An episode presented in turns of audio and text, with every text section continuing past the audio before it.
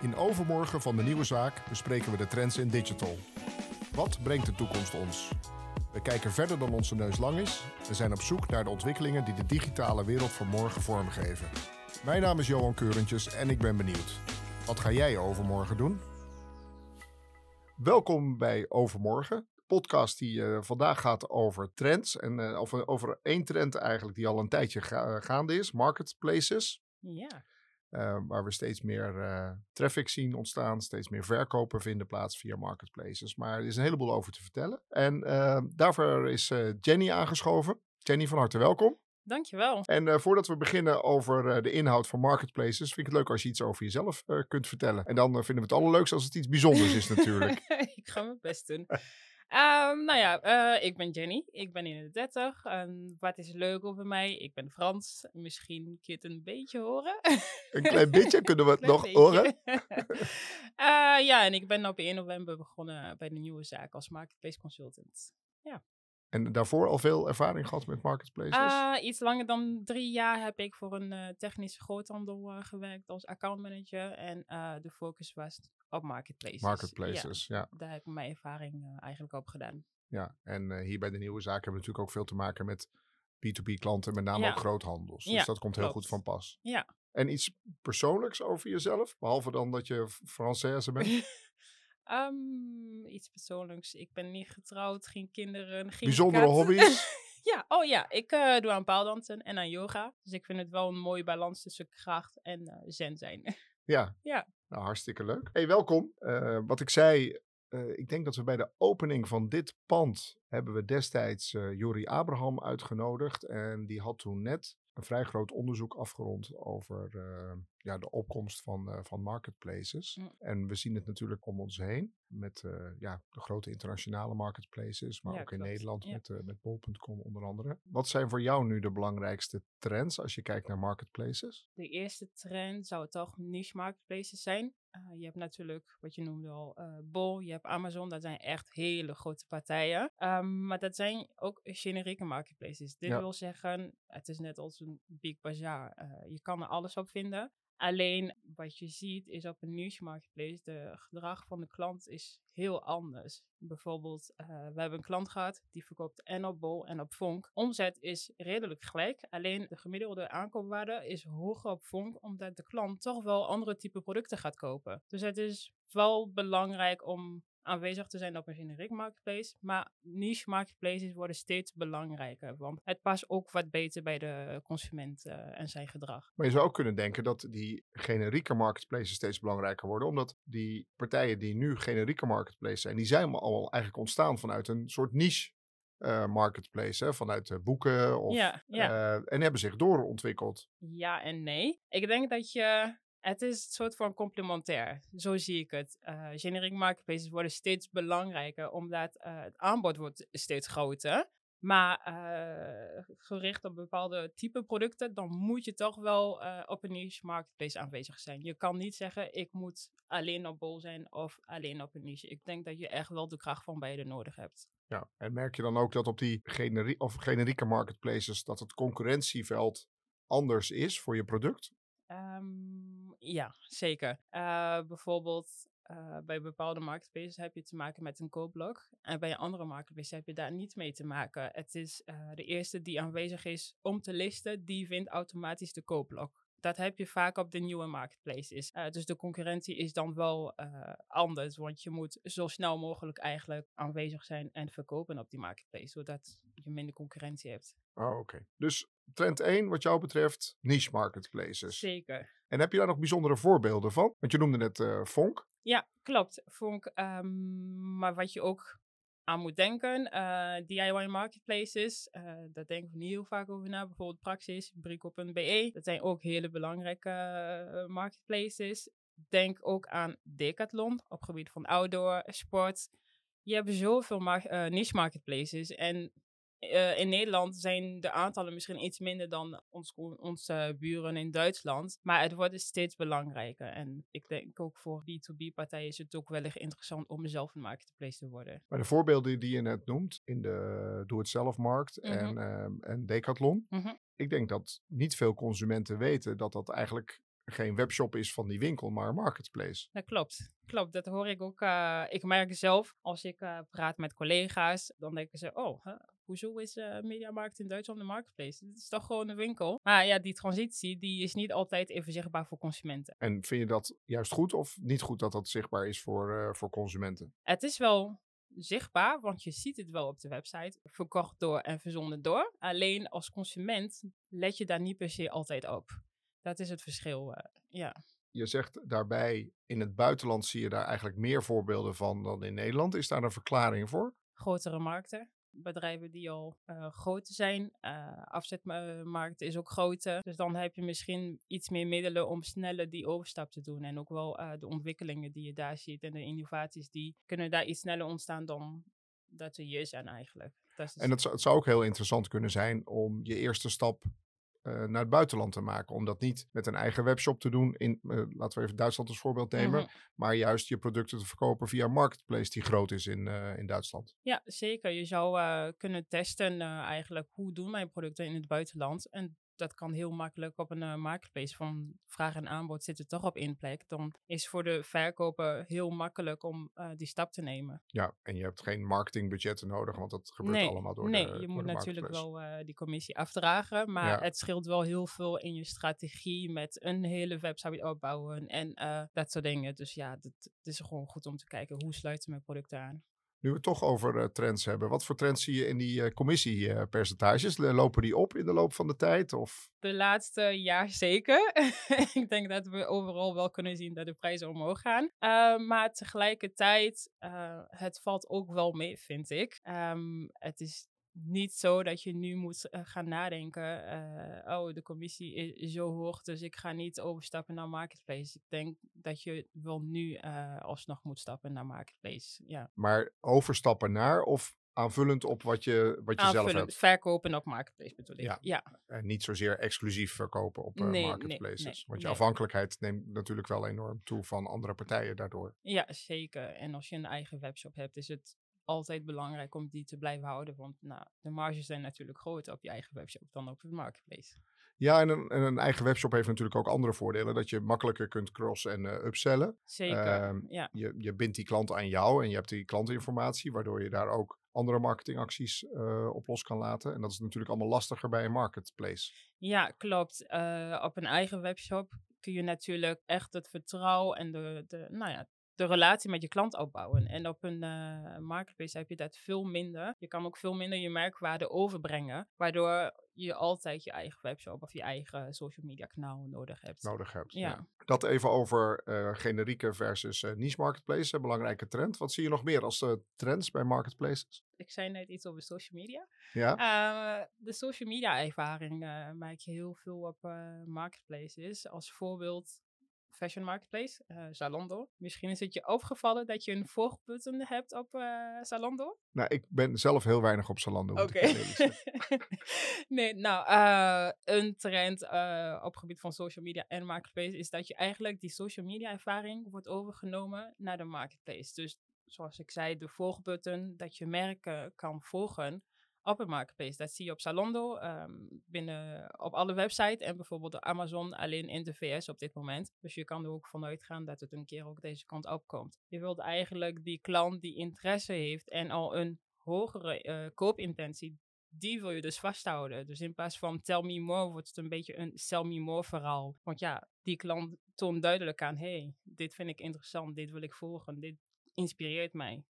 En dan volg je via uh, die marketplace, volg je het social media kanaal van dat merk? Nee, uh, je volgt op de marketplace de merk zelf. Dus dan zie je bijvoorbeeld bij Garcia, het is een merk en het verkoopt de producten. En dan heb je gewoon een volgbutton. En als je in je instelling gaat van, de mark van uh, je account op de marketplace, kun je daar terugzien alle merken die je volgt en de nieuwe trends, nieuwe producten die worden toegevoegd, de sales. Dus je wordt eerder geconfronteerd met uh, nieuwe collectie en dat soort zaken Precies. van die specifieke merken. Ja, ja. Waardoor je eigenlijk het alweer iets meer niche aan het maken bent voor jezelf dan dat het eerst was. Hoe bedoel je?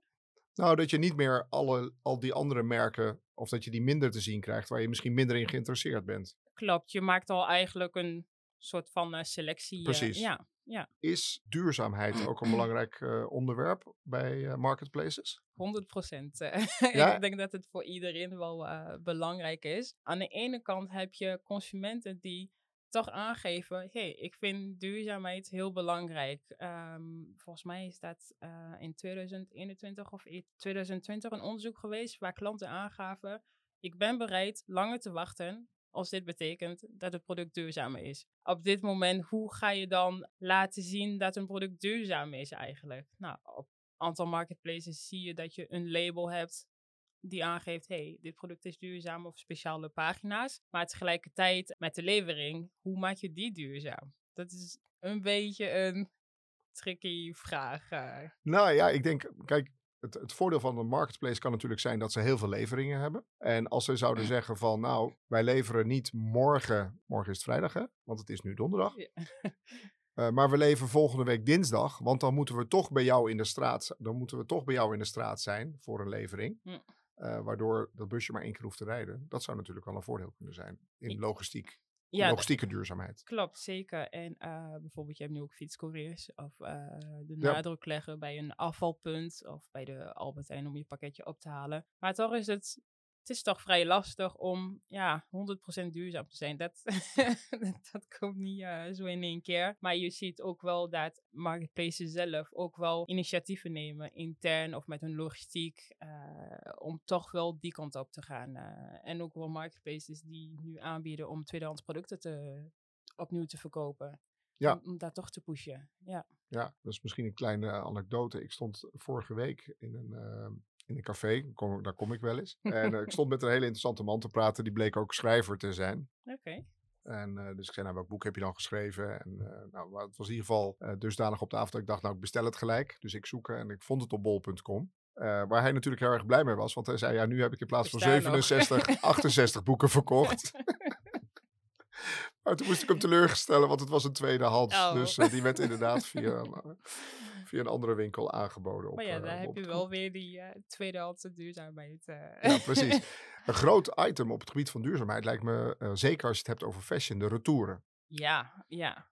wat, wat is daar nou aan te doen? Of zie je dat marketplaces specifieke acties ondernemen om dat, om dat retourpercentage naar beneden te krijgen? Op gebied van fashion heb ik niet zo 1, 2, 3 echt concrete acties. Op andere op elektronica, daar gebeurt, gebeurt wel het een en ander met uh, retour.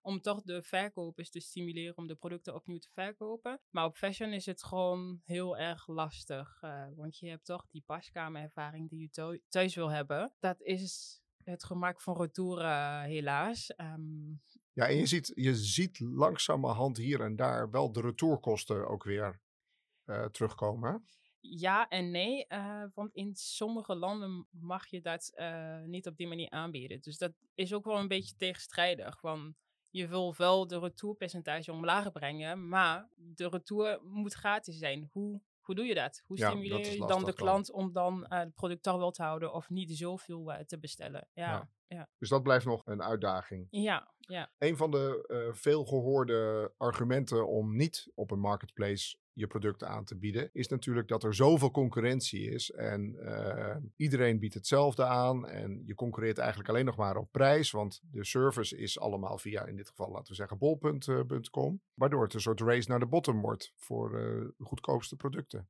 Wat vind jij daarvan? Alweer een ja en nee antwoord.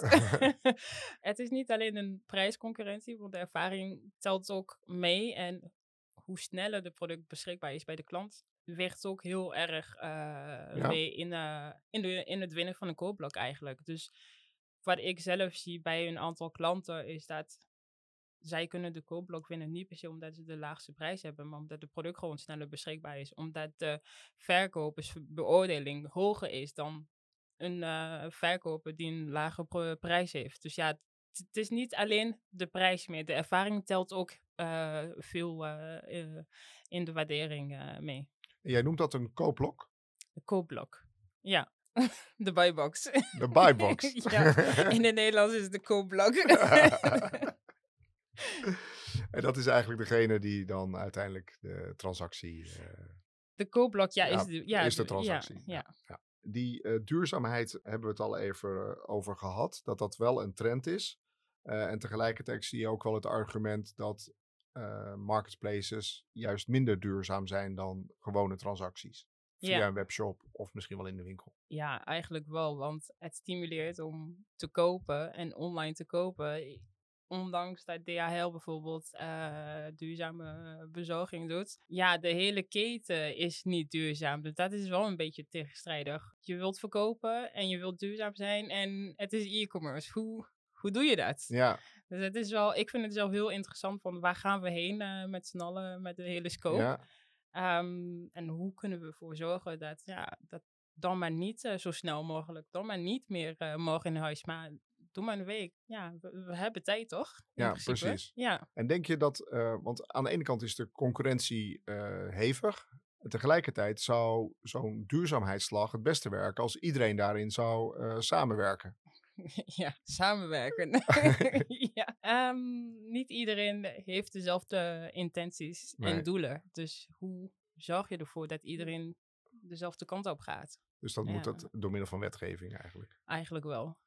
Gisteren was ik nog even bij de ehm, webwinkel vakdagen in, eh, in Utrecht. En daar was eh, toch wel een beetje bij verschillende sprekers te horen van marketplaces een beetje korte termijn snel proberen om verkopen te realiseren. En zorg nou dat je meer in je eigen merk eh, investeert om op de lange termijn minder afhankelijk te zijn, hogere marges te kunnen draaien en meer merkloyaliteit ook eh, op te bouwen. Dat is natuurlijk een hele lastige trade-off te- ten opzichte van de investering die je moet doen voor de lange termijn en de korte termijn resultaten die je ook wilt, eh, wilt Ja. halen. Zie je dat eh, marketplaces al meer ruimte geven ook aan merken om, om zichzelf te laten zien? klein beetjes bij klein beetje, dan gebeurt het wel. Het is heel belangrijk voor een merkeigenaar om zich te registreren, want dan heb je veel meer features op de marketplace. Maar je blijft toch wel beperkt om die ervaring die je op de webshop hebt, om dat toch terug te, te laten komen op een marketplace. Dus het is ja, echt minimaal wat je, wat, je, wat je kan. En het is ook alleen in de voordeel van de marketplace. Want als je te veel die ervaring eh, terugbrengt, ja, Dan heb je die op de marketplace. ja, Ja. dan heb je die wel op de marketplace, maar misschien geef je juist te veel vrijheid om dat de klant weer eh, naar de webshop gaat. eh, ja, Ja, en dat wil de marketplace niet. nee, zij willen nog steeds zichtbaar eh, blijven natuurlijk. Precies. En, ja, ja. Wat zie jij nu, eh, Jenny, als voor nieuwe groothandels of nou, retailers, maakt niet uit, die beginnen op een eh, marketplace? Wat, wat zijn de grote valkuilen? Kosten en marges niet overzichtelijk hebben. Het klinkt logisch. Je, je weet eh, wat je producten kosten, maar toch wel, eh, je merkt dat soms niet helemaal zo overzichtelijk is als dat je zou denken. Dus dat is stap 1. weet wat het kost, weet wat je uitgeeft, weet wat het brengt. Daarnaast is ook heel vaak bang zijn van ja, maar er is zoveel concurrentie. Maar geloof in jezelf, zou ik zeggen. Geloof in je merk, eh, de voordelen van je producten. Tuurlijk, je hebt concurrentie wel overal, maar je moet wel eh, aanwezig zijn als je wel eh, je producten wil verkopen. En vooral vertrouwen hebben dat wat je verkoopt echt goed is. En ook zorgen dat de executie daarna, na de aankoop, dat dat heel goed in orde is. Ja, klopt. Dat je ook kwalitatief producten eh, hebt en een goede service en een goede klantservice. eh goede voorwaarden eh, in verband met retour of annulering of als je product kapot is. Dat je echt, die, die klantervaring, die is echt heel belangrijk. En die ook weer opnemen in reviews en die weer terugplaatsen op die, Ja. Als je bijvoorbeeld een eh, negatieve productreview ziet, inhoudelijk naar kijken. Niet alleen zeggen van, hé, we sturen jou een nieuw product. Hoe vaak komt het voor dat jouw product eh, eh, defect is? Neem het op, verbeter je product, verbeter de productbeschrijvingen. Doe daar ook echt wat mee om die ervaring te verbeteren. ja, want dat is hele waardevolle ja, informatie. zeker. Ja, klopt. Ja. Zijn er mogelijkheden op marketplaces om, wat je natuurlijk zelf probeert te doen op je webshop, als iemand eh, een product koopt, om een ander product wat daarbij hoort of wat veel erbij wordt verkocht ook aan te bieden? Op een marketplace lijkt me dat best heel erg lastig. Amazon biedt het wel om cross-sell of productfamilies eh, aan te maken. Bol ook wel productfamilies, maar de cross-sell is niet beschikbaar op alle marketplaces. Dus Ja, het is heel erg eh marketplace afhankelijk, eh platformafhankelijk. En dan is het wel zo dat, dat je dan producten ziet die ook bij- door jou geleverd worden. Ja, klopt. Als jij de buybox vindt natuurlijk. Ja, precies. Ja, ja, ja, ja, ja, ja, ja. Ja, ja. Maar wel gerelateerde producten die je daarmee, uh, daarbij Oké, hebt geleerd. Dus dat wordt wel gefaciliteerd. Ja, ja, niet overal op een aantal marketplaces. Dus ik hoop ook wel dat eh, de nieuwe niche marketplaces dat ook steeds meer gaan aanbieden, maar het is niet vanzelfsprekend. Is er een groot verschil tussen groothandels die op marketplaces zijn en retailers die op groothandels aanwezig zijn, op eh, marketplaces aanwezig zijn? In welke opzichten? Nou, daar was ik benieuwd naar. Maakt het je, voor je uit dat je een B2C leverancier bent of een B2B leverancier? Het maakt uit als je eh, merkeigenaar bent of niet. Want als de merk niet van jou eh, is en je bent wel een groothandel en je bent gefocust op B2B, het is heel anders dan eh, op het moment dat je gefocust bent op B2C. Dus het feit dat je merkeigenaar bent of niet, maakt het een verschil, eh, zou ik zeggen. En zijn er ook hele specifieke B2B marketplaces? Alibaba, dat, eh, dat is een eh, hele Ja. grote. Ehm, je hebt een andere aantallen eh, B2B marketplaces die heel erg gefocust zijn op technische producten. Dat is wel interessant, maar eh, dat zijn echt voor hele eh, grote partijen die op het gebied van industrie en eh, industriële producten verkopen en op mate. eh, Nou, dat zijn echt, echt een niche ja, eh, ja, ja, marketplaces. hele specifieke. Ja. Wat zou zouden jouw drie belangrijkste tips zijn voor partijen die, eh, die geïnteresseerd zijn om buiten hun eigen webshop, hun eigen webwinkel, op hun eigen winkels, fysieke winkels wellicht, of via hun distributiepunten te beginnen met verkoop via eh, marketplaces? Bied producten aan die niet overal verkrijgbaar zijn. Kijk naar, eh, als je een reseller bent, naar de concurrentie. Zorg dat je de koopblok eh, kan vinden, de buybox. En zorg dat je ook gewoon een hele goede service hebt, eh goede klantervaring.